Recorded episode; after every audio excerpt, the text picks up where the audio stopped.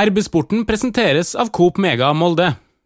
Produktet er helt på topp. Det er det ypperste du kan få i, i Norge. Og Hvis du er supporter, da, så går du på Aker stadion og, og ser på laget ditt. Og Det er helt uavhengig av om det er eh, kaukemesterskap eller turnoppvisning eller kjerringbæring eller, Eller hvem du sånn, spiller mot. eh, før kampen eller i pause. og Det spiller ingen rolle. Velkommen til en ny episode av RB-sporten. Romsdals Bustikkes podkast for fotball og idrett i Romsdal. Mitt navn er Ole Bjørne Lo Velde. Vi er ferdig med en begredelig landskappause, og vi kan se fram til en oktober hvor det er tett av MFK-kamper. Vi har et panel med Pernille Huseby, supporter og journalist. Velkommen. Hallo, endelig ferdig med landslaget. Ja, det var ikke mye å glede seg over. Eh, Sportsleder Trond Hustad, velkommen. Takk for det. Og eh, selvsagt har vi med oss en eh, gjest fra Molde fotballklubb. Vi har eh, spurt på Twitter hvem de har lyst til å prate med, og velkommen, Per Eikrem, markedsdirektør i MFK. Tusen hjertelig takk. Det er vel sånn at markedsdirektøren har begynt å planlegge gullfesten, eller? Ja, Bra åpningsspørsmål. Det er jo ikke tema vet du, i MFK. Det er ikke lov å snakke om gull. Men så er jeg markedsdirektør, da. Sånn at uh, vi har en, en arbeidsdeling. Eh, jeg er enig med Erling at han konsentrerer seg om eh, sitt. Og så får, eh, så får jeg konsentrere meg om mitt. Men hva tror vi om gull, Pernille? Du har prata og gardert litt. Tatt, tatt ut bra med fridager noen mandager utover oktober hvor du ikke skal på jobb, og er registrert i arbeidslista. Ja, og du prøvde å si at du ikke hadde godkjent det. Det er ikke du som er min nærmeste arbeidsleder, så det kan ha ikke noe med. Men jeg har jo, driver jo og sprengregner, eller jeg kan ikke regne, da, så jeg spurte Trond. eh, For jeg er jo livredd for at eh, Molde skal For de kan teoretisk sett ta gull mot HamKam hvis det går veien, og det er jo jeg livredd for, for da har jeg kveldsvakt.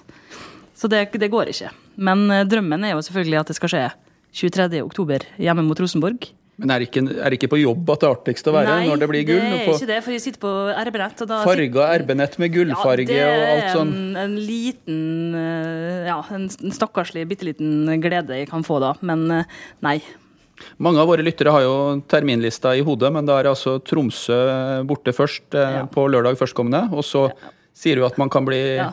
gullvinner allerede uka etter mot HamKam. Ja, da er det søndag klokka fem. Det går an. Eh, Men da Hvordan var det, Trond? Hva var det du sa til meg i kantina med kaffemaskiner her i forgårs? Nei, jeg, har, eh, jeg hadde tre i matematikk på gymnaset, ja, så jeg har ikke regna dette her veldig nøye ut. Men eh, altså det enkleste er vel å vente til den runden er ferdig nå, og se hvordan det går mot eh, Tromsø.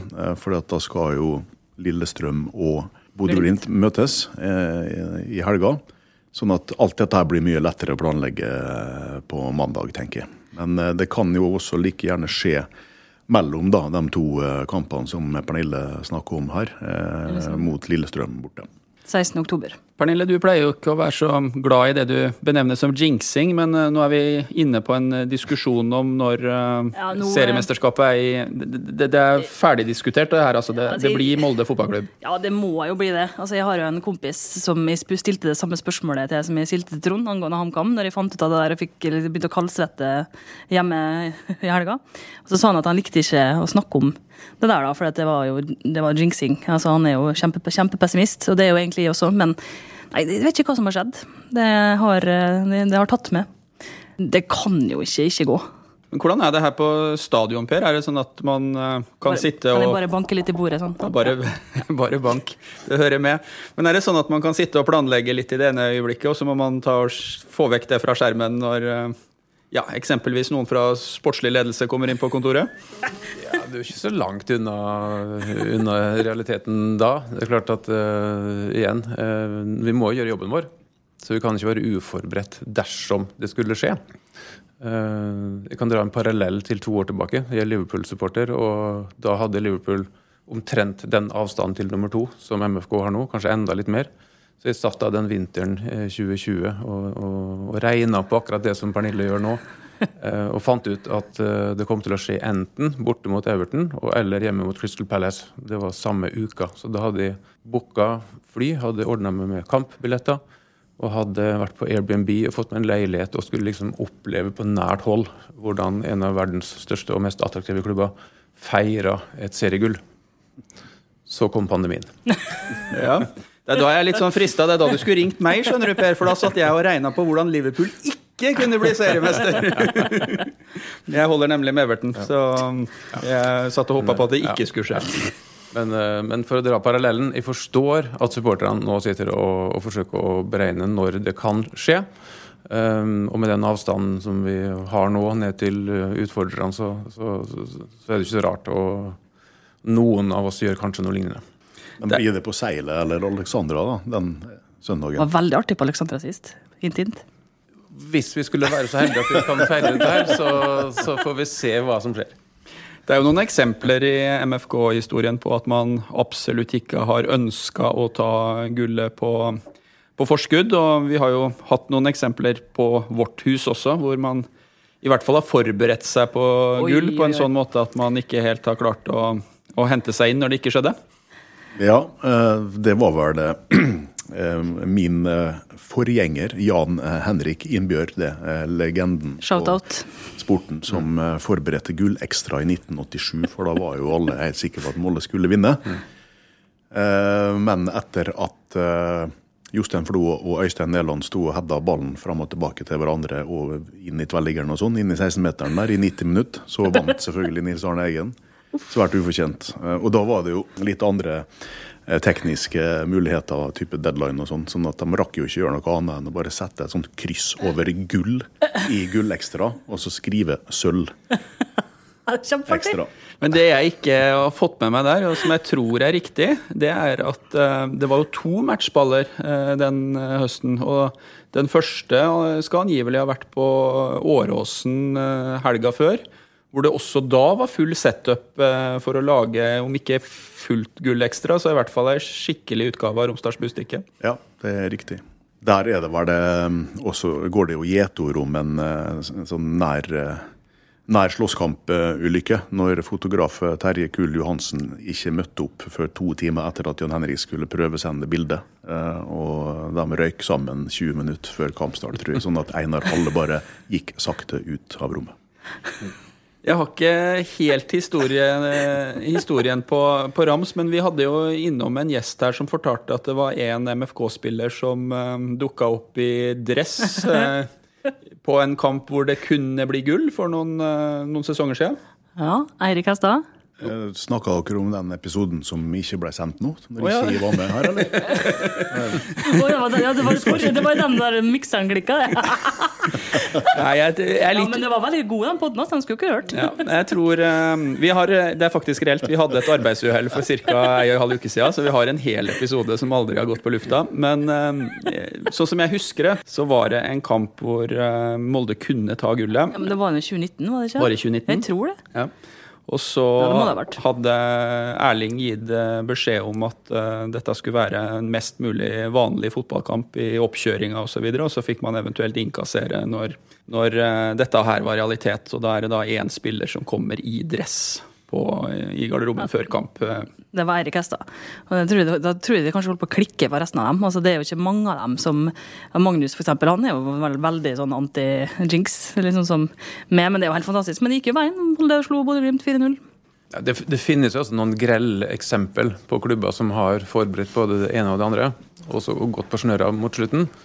Og det, det, er jo ingenting som er verre og pinligere enn en det. Så vi, vi, skal ikke gjøre den, eh, den eh, feilen. Så vi har, jeg har sagt omgivelsene våre og våre samarbeidspartnere, for det er jo også noen av de som nå stopp, tenker stopp disse tankene. Og, og, jobben skal gjøres. Og heldigvis, eh, når vi observerer sporten på nært hold, så er de veldig inne i bobla si om dagen. Det, der bør de holde seg til ting er 100% Så målet er medalje?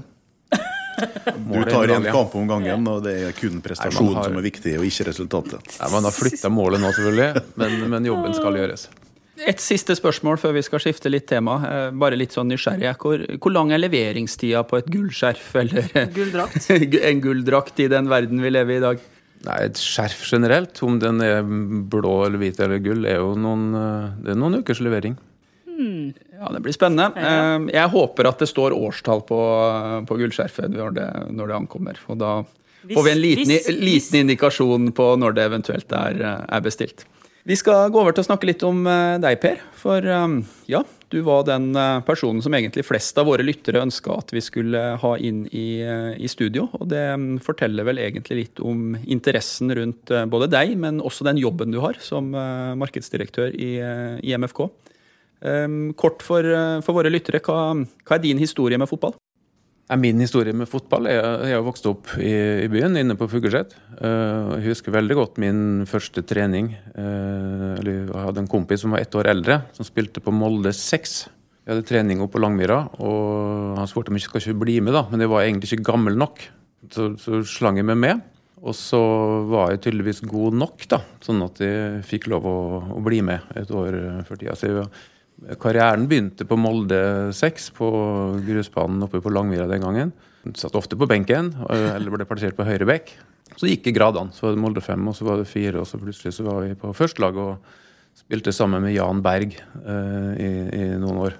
14 til 16, og hadde et eh, kanonlag den gangen i, på det årstrinnet. Men da forsvant jo Jan etter hvert opp i, i Asdalen.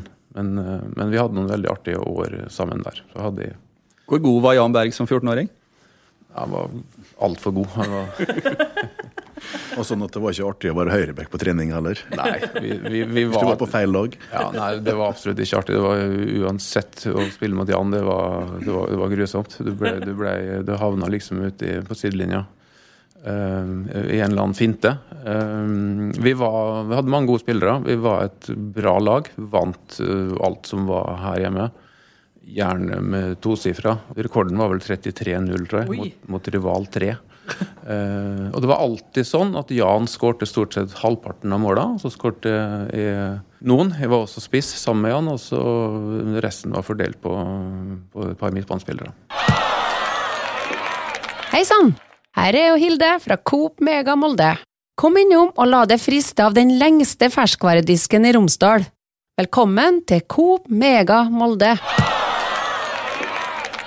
Eh, Du har også hatt en eh, ganske, eh, ja, jeg vil si lang karriere som innenfor vårt, eh, vårt yrke, både som journalist, og så har du gjort det som vi pressefolk kaller å gå over på den andre sida. Mm. Jobba med, med informasjon. Kort litt om din, din historie som journalist først. Ja, Den begynte jo i Bustika. Sportsinteressen var jo der. Jeg husker ikke akkurat hvor gammel jeg var. Jeg, var en, jeg hadde ikke lappen, i hvert fall, da jeg, da jeg begynte. husker jeg. Så begynte jeg som frilans og reiste land og strand rundt og ble sendt ut på alt ifra eh, friidrettsstevner og hopprenn og skyting var det mye dekning av den gangen. Eh, vært på mange skytestevner. Fortsatte med det når jeg ble student og dro til Bergen. Så var jeg fortsatt hjemme her og hadde sommervikariat i Bustika. Hadde et par vikariat i, i Bergens Tidende etter hvert også, mot slutten av studietida. Og mine to første jobber var også som journalist. Etter at jeg var ferdig på Handelshøyskolen, så jobba jeg et, halvannet år i Finansavisen. Så var jeg innom Reuters da, før jeg fikk en telefon fra Aker. Og da var det jo akkurat eh, mye mediefokus på at eh, RGI, eller Røkke, da, hadde kjøpt seg opp i Aker. Um, hvor Røkke og Gjelsten kom inn, det var kjempespennende. Så havna du jo tilbake på Aker òg, da. Det er jo også litt artig. Ja da, vi gjorde det nå til slutt. Ringen slutta. Ja, ringen slutta. slutt, da. Du hadde noen år i RGI, og, eller ikke i RGI, men i Aker-systemet, og så ble det etter hvert eh, Oslo Børs. Kan, kan du fortelle litt om hva, hva du gjorde på, på børsen? Etter eh, Aker så hadde jeg et kort opphold i Netcom. Så ble de kjøpt opp og tatt av børs, og da fikk jeg en telefon litt sånn til, Ikke tilfeldig, men, men, eh, men det var relativt kort tid etter at de begynte i Netcom. Så trengte Oslo Børs en eh, kommunikasjons- og markedsdirektør. Eh, Så det var rollen til å begynne med. Så jeg hadde ansvaret for, for markedsarbeidet til børsen og kommunikasjonsvirksomheten. Men på et eller annet tidspunkt så ble det sådd en tanke om å vende tilbake igjen til, til Molde. Du må fortelle oss litt om hvordan du tenkte når eh, stillinga som eh, markedsdirektør i MFK kom på, kom på markedet. Mm. Det hadde en liten forhistorie også, fordi det, det var lenge før det at jeg først tenkte at jeg hadde lyst å, å komme hjem igjen til Molde og jobbe her. Um, og var for så vidt enig med kona om for uh, ja, 20, drøye 20 år siden om at det, det var en god idé. Eh, Så vi hadde planlagt å flytte hele familien. Dere var på sånn kom hjem-arrangement for 20 år siden. Så, ja, men det må jobbes langsiktig, forstår jeg. Nei, og så, så bli, blinka vi ut et tidspunkt også for når dette her skulle skje. Og det var da dattera vår, eh, yngste barnet vårt, eh, skulle begynne på skolen. Eh, Det, det var sånn fem år før hun skulle begynne på skolen, så tok vi den beslutningen. Eh, Så gikk åra fort. Og så nærma det seg, var et par år igjen, og så begynte vi egentlig begge å få litt kalde føtter. Vi trivdes veldig godt i Oslo, hadde ålreite jobber. Og vi hadde et nettverk og hadde naboer. Barna var etablert, i, drev med ulike aktiviteter. Så liksom, vi, vi følte at det ble vanskelig, så vi gjorde om beslutningen. Eh, nå er barna ute av redet, de er begge studenter. eh, Holder til i, i, i Bergen. Så dukka den jobben her opp i MFK. Og jeg har alltid hatt stort og blått og fint hjerte. Og jeg syns det var veldig eh, interessant å, å både kunne jobbe i Molde fotballklubb og kunne være i Molde. Jeg har eh, vært veldig opptatt av å beholde og ivareta nettverk og venner, og har noen brødre som bor her i byen og sånn. Sånn at det, det var en, egentlig en veldig lett beslutning eh, når det var greit for Astrid at de tok den jobben.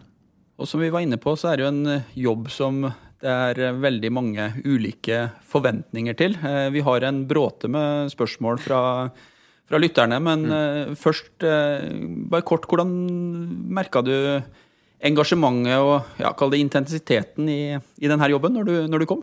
Det å drive en, en, en fotballklubb på toppnivå i Norge, er, det var vesentlig mer komplekst enn det jeg hadde sett for meg på forhånd. Um, eh, og, og klubben er jo et, et tog som ruller. sånn at det, når jeg kom inn i stillingen, så var det som å opp, det føltes nesten som å komme inn i et sånn hamsterhjul som bare, bare gikk, liksom. Og så eh, har det tidvis gått eh, fortere enn normalt også. Da har det vært mer en sånn sentrifugefølelse. Det er mye som skal skje. Du har noen spørsmål, Pernille? Ja, skal vi se. Stefan Sætre, forsangeren i, Tornekrattet, han lurer på hvordan klubben klarte å skaffe drakt til nysigneringa av Haugan, når vi supportere sliter med å få kjøpt drakt. Så det går altså på merch, da. Og det er også en annen som lurer på hvorfor det er så lite drakter og lite merch å finne, da. Det er, det, det er drakter nå til, tilgjengelige. Eh, Og har hatt det prøvd. Uh, ja, jeg spurte faktisk om det før det gikk her. Om det, er noe sånt. For det, det er riktig at vi har tidvis vært uh, utsolgt. Uh, og så er det med litt lang ledetid. Og det, det, det tar lengre tid å få levert drakter enn uh, enn skjerf, for å si det sånn.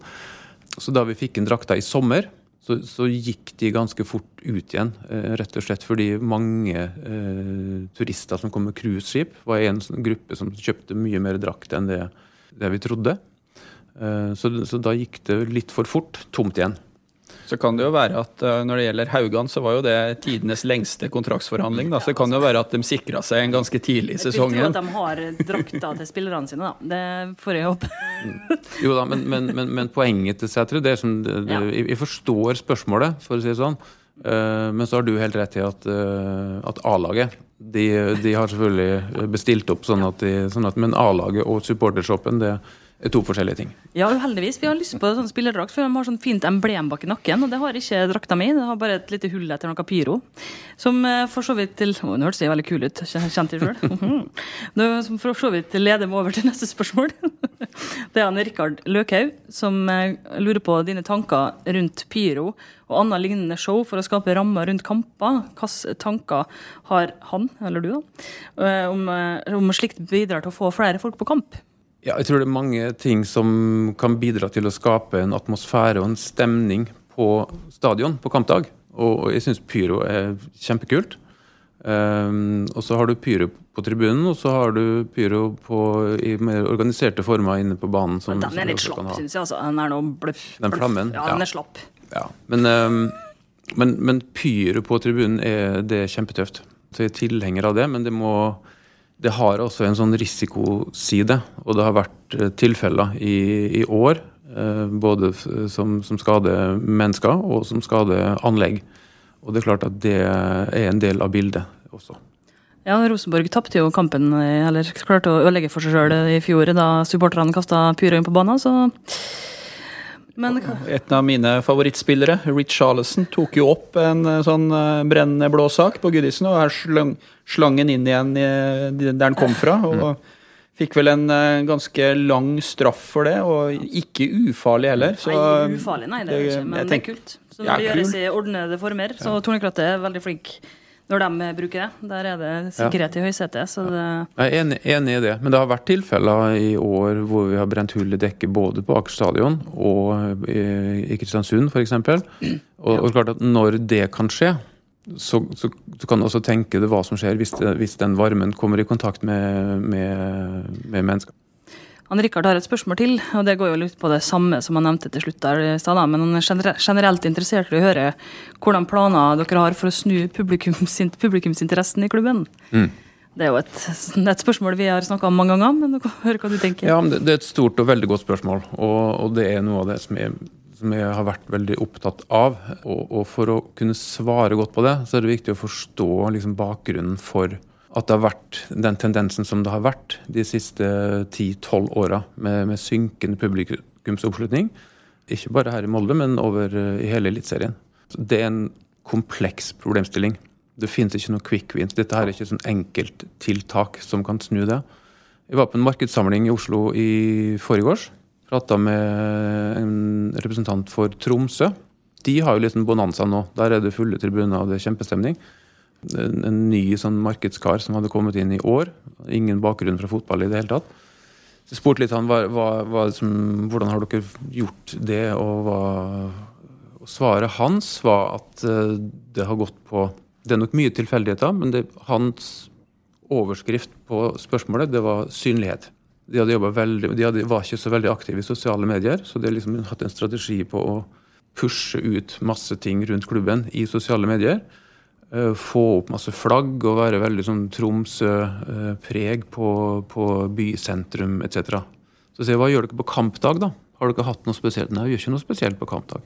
Så det er ett, eh, ett eksempel på, på eh, at noen som har greid å snu det, men uten at det nødvendigvis eh, skal, skal være kauking eller eh, kappløp eller hva det måtte være inne på stadion.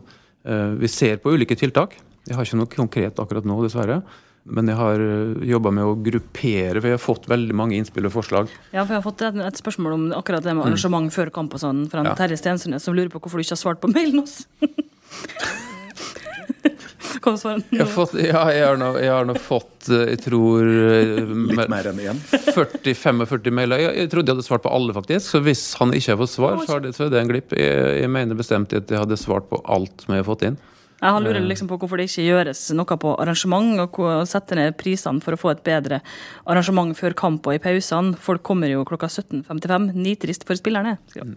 Det er enig. Det er trist hvis publikum kommer fem minutter før kamp.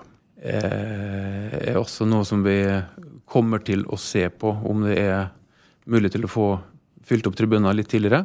Det må være tiltak som, som vi vet treffer.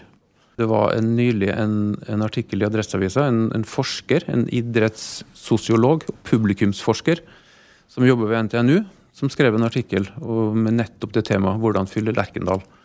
Og jeg tror nok Problemstillingen er nok overførbar. Og Rosenborg de har prøvd seg med mye, mye forskjellig. Med ponniløp og uh, trøndermesterskap i kaldkauking. Eh, det er ikke sånne ting som, som folk kommer for å se eh, fotball. Det er det hans, eh, hans holdning. Men, men vi har en del Vi er nødt til å skape unike opplevelser på stadion. Nå overtar TV 2 rettighetene til å sende Eliteserien fra og med neste sesong. Og de kommer til å legge skikkelig tyngde bak det og, og lage produkt. Men klart de er helt avhengig av at det skal være folk på stadion. Sånn at Et slogan som de benytter, er at fotball er best på stadion. Fordi TV-produktet og eh, fotballproduktet som de viser, det er helt avhengig av at det er liv og at det er folk på stadion. Mm, Molde har jo liksom blitt litt, nesten litt sånn syndebukken på lavt publikumstall nå. og det, har begynner å bli så lei av det. Altså det på, på Twitter så er det liksom jeg er all, jeg er på fotball-Twitter, da, så er jo det på en måte punchline nesten alle vitsene. Så er det sånn åh, ja da. Det er ikke så masse folk hos dere andre òg. Men noe som jeg syns er spennende der, er jo det visuelle uttrykket. For TV er jo et visuelt medie. Levende bilder. Og eh, da må du få følelse av at det er folk på arena. Der er jeg helt enig med TV 2. De kampene som er mest engasjerende å se på TV, det er de kampene hvor tribunen er full. Vålerenga-Lillestrøm, f.eks. Ja. Og eh, hvis vi ser på Aker stadion, så syns jeg at en del av de europacupkampene som har vært vist, har vært ganske vellykka, til tross for at det har vært 3000-4000-5000 på, eh, på arena. Og en av årsakene, sånn som jeg har forstått det, er at man har eh, komprimert litt mer. Altså at deler av stadion får lov til å være tom, mens deler av stadion er, er ordentlig komprimert, og hvor folk sitter litt, eh, litt tettere enn det man kanskje er vant til i Molde. da. Er det noen tanker rundt, rundt det i, i seriekampene? For den motsatte modellen er jo dette som går med season tickets, altså sesong, sesongkort, og at du liksom skal ha og eie ditt sete. Men da er det sånn at det setet det står tomt når du er på Kreta eller på hytta eller syns at det er kaldt. Eh, og da får du disse hulla som, mm. som gjør seg dårlig på TV. Ja, og de hullene er dessverre litt for mange av. Det har vært helt eh, bevisst valg og strategi nå i, i høst og sommer at vi til disse europakampene, både kvalik og, og gruppespillkampene, så har vi jo eh, ikke åpna for salg på, på kortsidene, bortsett da fra eh, hjemme- og bortesupporterfeltet. Så Inngang 13 er jo selvfølgelig åpen. Det mener vi sjøl har vært vellykka, og det, det ser mye bedre ut på TV. Å komprimere og få publikum samla på langsidene. Og jeg tror opplevelsen både for spillerne og også for publikum som faktisk er på tribunen, at det gir en mye bedre opplevelse. Og så er det mange som alltid har hatt setet sitt på kortsida. Som, som, så da utfordrer vi jo de, men, eh, men det tror, tror vi er nødt til å, å tørre å, å gjøre. Men jeg har et spørsmål, for jeg tenker min drøm eh, er jo nå at eh, Molde skal ta gull på eh, et fullsatt Aker stadion 23.10, søndag klokka sju mot Rosenborg.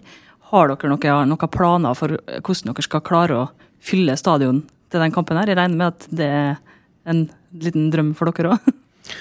Ja, Det er jo en drøm å ha fulle stadion. Eh, Det er akkurat den kampen. Det er jo liksom årets kamp for supporterne. Ja, det er det. Og eh, til HamKam-kampen ja, Ikke settes- årets kamp, men. Nei, Det er ikke årets kamp, men, eh, Men det er viktig den også, men, ikke det? men det er mye, mye, mye innspill, mange synspunkt på det med billettpriser. Så Der skal vi jo selge stadion, hele stadion for 100 kroner billetten. Så får vi se da hvilken effekt eh, det eventuelt har. Jeg er litt spent på det, faktisk. For jeg tror at prissensitiviteten til fotballpublikummet ikke er så veldig høy.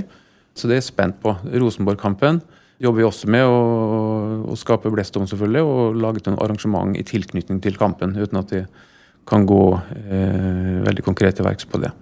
Jeg har lyst til å utfordre supporterne litt også, for jeg syns jo at en del av den diskusjonen her har litt sånn eh, ja, litt tilbakelent eh, tilnærming. Eh, det er jo supporterne sjøl som kan være med å ta kontroll og skape eh, det engasjementet. Det er, ingen som, de det er ingen som nekter noen å komme et kvarter eller en halvtime før, eh, før eh, kampstart. og skal være forsiktig med å dra inn for mange eksempler fra store byer og, og, og større ligaer, men når du får det derre supporterengasjementet, eh, og at det går utover den eh, vante, lille, harde kjernen, eh, da får du den mønstringa som, eh, som jeg tror kan løse noe av det. Og min opplevelse av Tromsø er jo at de har i større grad fått til akkurat det akkurat nå.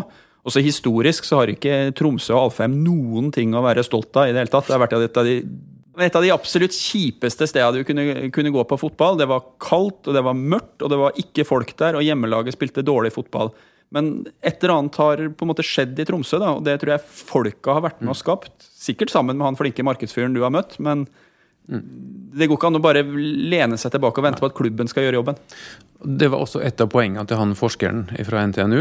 At, eh, at fotballpublikummet er eh, et veldig spesielt publikum. De reagerer helt annerledes på, på ting enn det publikummere på andre arenaer eh, gjør. Eh, og et hovedpoeng som han hadde, det var nettopp det at, eh, at fotballpublikummet vil ikke ha regi. De vil ta regien sjøl.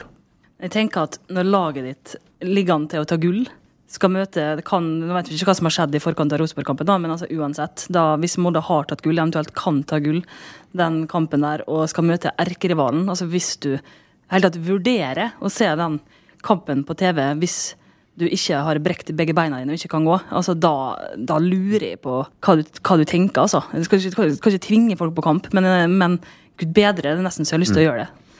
Jeg ringe på med alle som heier på Molde og si nå kommer dere her. Da vi kvalifiserte oss til gruppespillet ved å slå Wolfsberger, så var det jo, sånn som vi opplevde det, nesten sånn euforisk stemning i byen. Var fantastisk. Personlig hadde jeg da store forventninger og forhåpninger til neste kamp. Det var hjemme mot Sarpsborg. Og det var, det var omtrent på snittet, også i oppmøte i antall. Det overrasker meg litt, faktisk. Jeg tror Du er inne på noe veldig spennende her. og Det er ikke for å starte noen stor diskusjon med deg, Pernille, men vi har en sånn tendens til at vi skal spare oss. Og nå skal vi spare oss eh, med den HamKam-kampen, og så skal vi liksom feire mot, mot Rosenborg. Nei, vi sparer jo på den nå, men altså, det, det, det kommer jo ikke til å skje. vet du, Det er det som er problemet. For vet, du, det hjelper jo ikke. Altså, Det hjelper ikke at Molde er på vei mot seriegull. altså, bare... Ja, men det, jeg hadde litt inntrykk av når det gjaldt den, eh, det eksempelet til, til Per her, at da var, da var alle blikk på Europa. Da var det neste kamper i Europa hvor vi liksom skulle gå og feire. Vi skulle ikke ta med oss den gode stemningen fra en torsdag inn i en fotballkamp på søndag. Og det Jeg er egentlig ikke overraska, men jeg er forundra eh, over det, jeg også. så syns jeg kanskje at det svartmales litt for mye. Fordi det er De som kommer på kamp, de gjør en kjempejobb. I år så er det i underkant av 4000 som i snitt har vært inne på kamp. Vi oppgir at vi har solgt 6000. hvis Det er altså snittet i år i antall solgte billetter. Eh, Ca. 6000. Så har det skjedd noe med folks vaner. Sånn at Når man drømmer seg tilbake igjen til 2011-tida og 2012 og, og ser på publikumsoppslutningen da, så, så mener jeg at det er litt, sånn litt urettferdig. Fordi det har skjedd ting i samfunnet, og folk har endra vaner. Og pandemien har bidratt i enda større grad til at folk har endra vanene sine. Det som jeg har lyst til å bli målt på, det er jo det som har vært utgangspunktet i år. eh, Og den publikumsavslutningen som vi har nå, og de tiltakene vi nå skal sette i, i verk. Effekten av de vil man se videre. Jeg, jeg syns det blir feil basert på hva som har skjedd i samfunnet, og sammenlignes med hva som skjedde f.eks. før pandemien. I tillegg til pandemien så er det klart at når du går ti år tilbake, så må man også huske på tilgjengeligheten på dette produktet her. Eh, På TV f.eks., hjemme i stua og hos folk, det var jo eh, bortimot ikke-eksisterende hvis du sammenligner med i dag, når du kan sitte på hytta eller eh, i kjellerstua og seppe og se alle kampene. ikke sant? Sånn at det, det blir umulig å sammenligne disse, disse tallene der. Eh, og så er det eh, synlighet og folkelighet og åpenhet og alle disse tingene der, som du er inne på. Det tror jeg er veldig mye av nøkkelen hvis en skal lykkes her. fordi at laget, eh, sportslig sett, kan ikke gjøre noe mer enn de har gjort i ganske mange år nå, sjøl om folk er sur og syns at de ikke produserer like god fotball som for fem år siden, og sånn, så er de- Molde det beste laget i Norge. Skårer flest mål og tar flest poeng. Må spille mer framover. de vinner. Skaper flest sjanser. Så det er ikke noe mer du kan gjøre der. For å være helt ærlig, hvis du, beklager Trond, hvis du ikke kommer på fotballkamp, så er du enten ikke fotballinteressert, eller så er du ikke lokalpatriot. For altså, begge deler er på plass. Men det var, Produ produktet er helt på topp. Det er det ypperste du kan få i, i Norge. Og hvis du er supporter, da, så går du på Aker stadion og, og ser på laget ditt. Og det er helt uavhengig av om det er eh, er. Kaukemesterskap eller turnoppvisning eller kjerringbæring eller Eller hvem du sånn, spiller mot. eh, Før kampen eller i pause. Det spiller ingen rolle. Og om du så hadde fått åpna opp eh, en pub der borte, som mange har lyst på, ja, så er det, fortsatt, så er det fortsatt like eh, Kommer jo ikke før fem på likevel, for da skal jo folk være inne i puben. Eh, sånn at det spiller ingen rolle. Eh, så jeg ville ikke brukt de, de overtidstimene dine Per, på å finne ut hva dere skal ha før kampen eller i pausa. Det tror ikke jeg at jeg ville ha brukt den tida på. jeg kunne tenkt meg å sette eh, litt konebæring i pausa. Ja, det, det finnes mye artig du kan gjøre. og, og det skal Eller, ikke, eller mannebæring. Skal ikke se bort ifra at vi kommer til å komme opp med noen ting som, igjen. Som, som, ikke som ikke har så mye med, med akkurat fotballkampen å gjøre. Eh, Det, det kan godt være. Så er det en del, del ting som du var inne på som vi, som vi ikke kan gjøre så mye med. Pub. Men som har betydning for oppslutningen. Som går på vær og TV-tilbud og, og endre eh, folk sine endra vaner. Og at KBK og OFK begge har lag i Eliteserien nå, som de ikke hadde for en tid tilbake. Det, men det, det kan vi ikke få gjort noe med. Kamptidspunkt er en annen ting som, som påvirker oppslutningen. Men det er masse ting som vi også kan gjøre noe med, og det har jeg nå tenkt å prøve på. Og så har jeg fått haugevis av innspill, men, men har ikke rukket å prosessere alt riktig enda. Eh, Så vet jeg at en- enkelte er litt utålmodige. De har ikke, har ikke sett noe, noe tiltak og har ikke, sett, har ikke fått tilbakemelding fra han som du sendte. Som Ja, Terje Var på Twitter. Eh, beklager det. Eh, men, Vi må få tid til å, å gå litt grundig gjennom det. Men Jeg skjønner at det er prematurt at ikke du kan spikre dette opplegg for neste år nå. Men kan du prøve, kan du tenke litt høyt med oss da, og nevne noen flere ting eh, som kan bli aktuelle? Ja, det, det med mm, pub har vært nevnt her, og det blir helt feil å ikke komme inn på det. Det er klart, det er nok det, og du spør, Jeg har hatt flere møter med Tårnkrattet, og, og punkt én, og pri én, det er å få en pub. Ja, 1911 er jo åpen i tre timer før ja. kampstart, liksom. Så har vi også hatt vi har jo hatt pub nå, disse europakampene. Det har vi jo, øh, og det har dels vært etter innspill fra folk at det, det, det er etterspurt. Så der har vi hatt pub både før og etter kamp på Aker stadion. I restauranten. restauranten. For der har vi solgt ut med middagprodukt i forbindelse med eliteseriekampene. Men i europakampene så har vi hatt anledning og muligheten til å gjort det. Så det har vi gjort. Eh, men, men, det med pub og ha servering i et lokale på stadion, det er noe vi kommer til å se på. Det, det opplever vi som, som, viktig for folk, og så får vi se om vi greier å få det til. da. Men det, men det er absolutt en, en, ting som vi skal se på.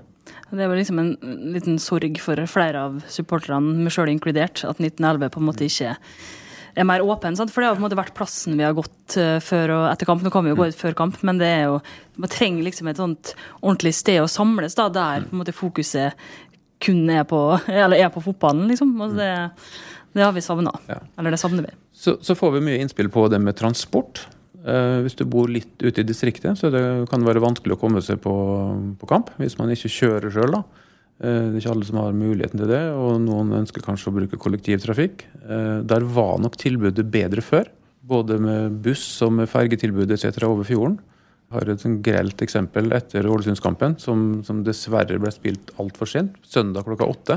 Det må slutte med det der. Ja, det altså, de attraktive fotballkampene som er i, i Molde, det er helt tydelig at disse beslutningene tas et sted hvor uh, T-bane går uh, nesten døgnet rundt. Altså, vi er i Distrikts-Norge. Folk har reiseavstand, folk har ferge og osv. osv. Rosenborg, Ålesund, Kristiansund bør gå på ordentlige tidspunkt, sånn at folk kan ta med seg ungene sine, og så får de fylt den stadion som eh, TV 2 vil ha full. Ja, jeg er helt enig i det. Og det, og det er noen kamper, da. Altså, jeg forstår at rettighetshaver skal ha en hovedkamp, og sånne ting, men det er noen kamper jeg syns de burde være bevisste på at, at klubbene får lov til å, å, lage folkefest på stadion. Og, og Molde ÅFK er jo en sånn kamp. Og det, når vi var inne på den markedssamlingen i Oslo i forgårs, så, så traff vi også en av de som driver og plasserer kamper, og han fikk høre akkurat det. Tipper han bor innenfor bomringen. Nei, altså når, når, halvparten av Stormen sine supportere altså supporterklubben i Ålesund, må gå fordi de har ikke ferger, jo, men der kan jo Tornekrattet få lov å synge 'Å, vi må rekke ferga', så det var jo artig. Men ellers er det veldig dumt for Ålesund, da. Men du vet, ferga som gikk over fjorden etter kampen mot Ålesund, eh, den ble jo full.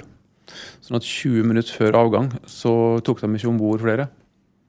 Og da måtte man vente først i de 20 minuttene, og så måtte man vente en time til eh, før neste ferge gikk. Så det er jo og det er jo ikke godt nok. Åpenbart at da, da kommer du ikke på kamp neste gang. ikke sant? Så det er jo det er sånne ting også som vi må prøve å få nøsta litt opp i, og, få et bedre samarbeid med, med de som driver med kollektivtransport her i området. Jeg håper på at vi, Molde tar det mot uh, HamKam, og så må Kjetil Rekdal og co.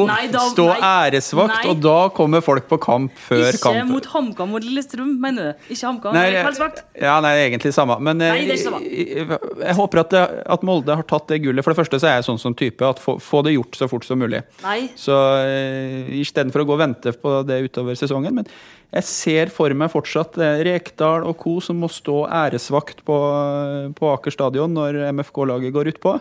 Hvis ikke folk kommer tidlig på kamp, så de får med seg det, da kan ikke jeg skjønne hva slags bedre produkt man og man bare sitter og venter på, altså.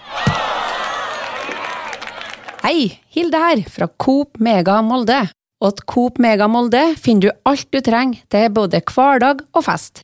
Kom og la deg friste av den lengste ferskvaredisken i Romsdal.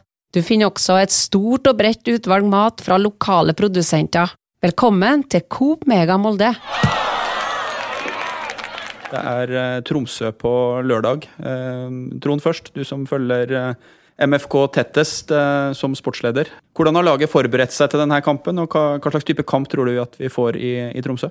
Eh, akkurat hvordan laget har forberedt seg, det vet vi ikke så mye om, for de har jo hatt eh, ferie eh, ei uke.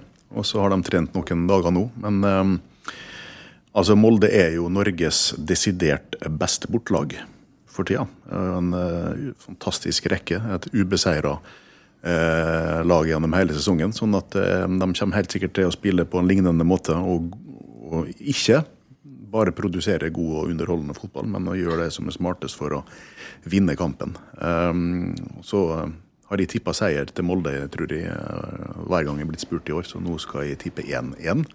Sånn at det ikke blir noe gullfeiring mot HamKam. er det for min skyld? Fordi at de tror at de eh, før eller senere så kommer det en uavgjort. Ja, der er jeg litt inne på samme tanken, faktisk. For det er ikke bare på, grunn av, på egne vegne, men det må jo skje, liksom. Og heller der enn på storkampen til en Per, hjemme mot HamKam, der vi skal prøve å få masse folk på stadion. Eh, Men, men Tromsø har vel også Er han Mikkelsen der, han superangriperen til Tromsø, er han fortsatt ute, eller? Han skal, Han har vært skadet, men han- han kan bli frisk. Uff. Og så har de vel en stopper, en stopper som nettopp har operert inn noe greier i fjeset, så han er nå ute, i hvert fall. Som ikke husker hva heter, men i farta. Ja. Så det er jo Nei, jeg tror nå altså, Hjertet mitt sier jo alltid at Molde vinner. Ja. Nei, for søren. Jeg skulle ta banne, men jeg skal kjøre. Nei, Molde vinner 2-1. Tja, hva tror du, Per? Hvis det er riktig som Pernille sier, at vi må spille uavgjort en gang, så har vi gjort det i år. Så vi er ferdig med det. Så vi, skal vinne, vi vinner 3-0 på lørdag. 3-0. Ja. Oi. Oi, oi, oi. Ja, jeg syns det var egentlig en frisk avslutning, så jeg, den kan egentlig Den skal få stå, den. Det blir tre, jo, det blir 3-0 på, på lørdag, og eh, Hvem da som skårer, da? Hvem skårer mål, da? Ja, det må Pernille svare på. Magnus skal få et mål. Hvis jeg, jeg tippa 2-1, da, men hvis jeg skal hoppe på 3 3-0 i, da, så hvis jeg skal tippe på Pers eh, og Ole Bjørner sitt eh, resultat, ja, for faen av Brynildsen. Brynildsen skårer alltid. Jeg tror også Brynildsen. Et av målene kommer etter uh, målgivende pasning fra tidligere Tromsø-keeper Jakob Karlstrøm. Det høres eh, flott ut. Vi setter punktum der. Per Eikrem, tusen takk for at du kom til oss i Arbeidssporten og forteller litt om planene til Molde fotballklubb. Takk for at vi fikk komme.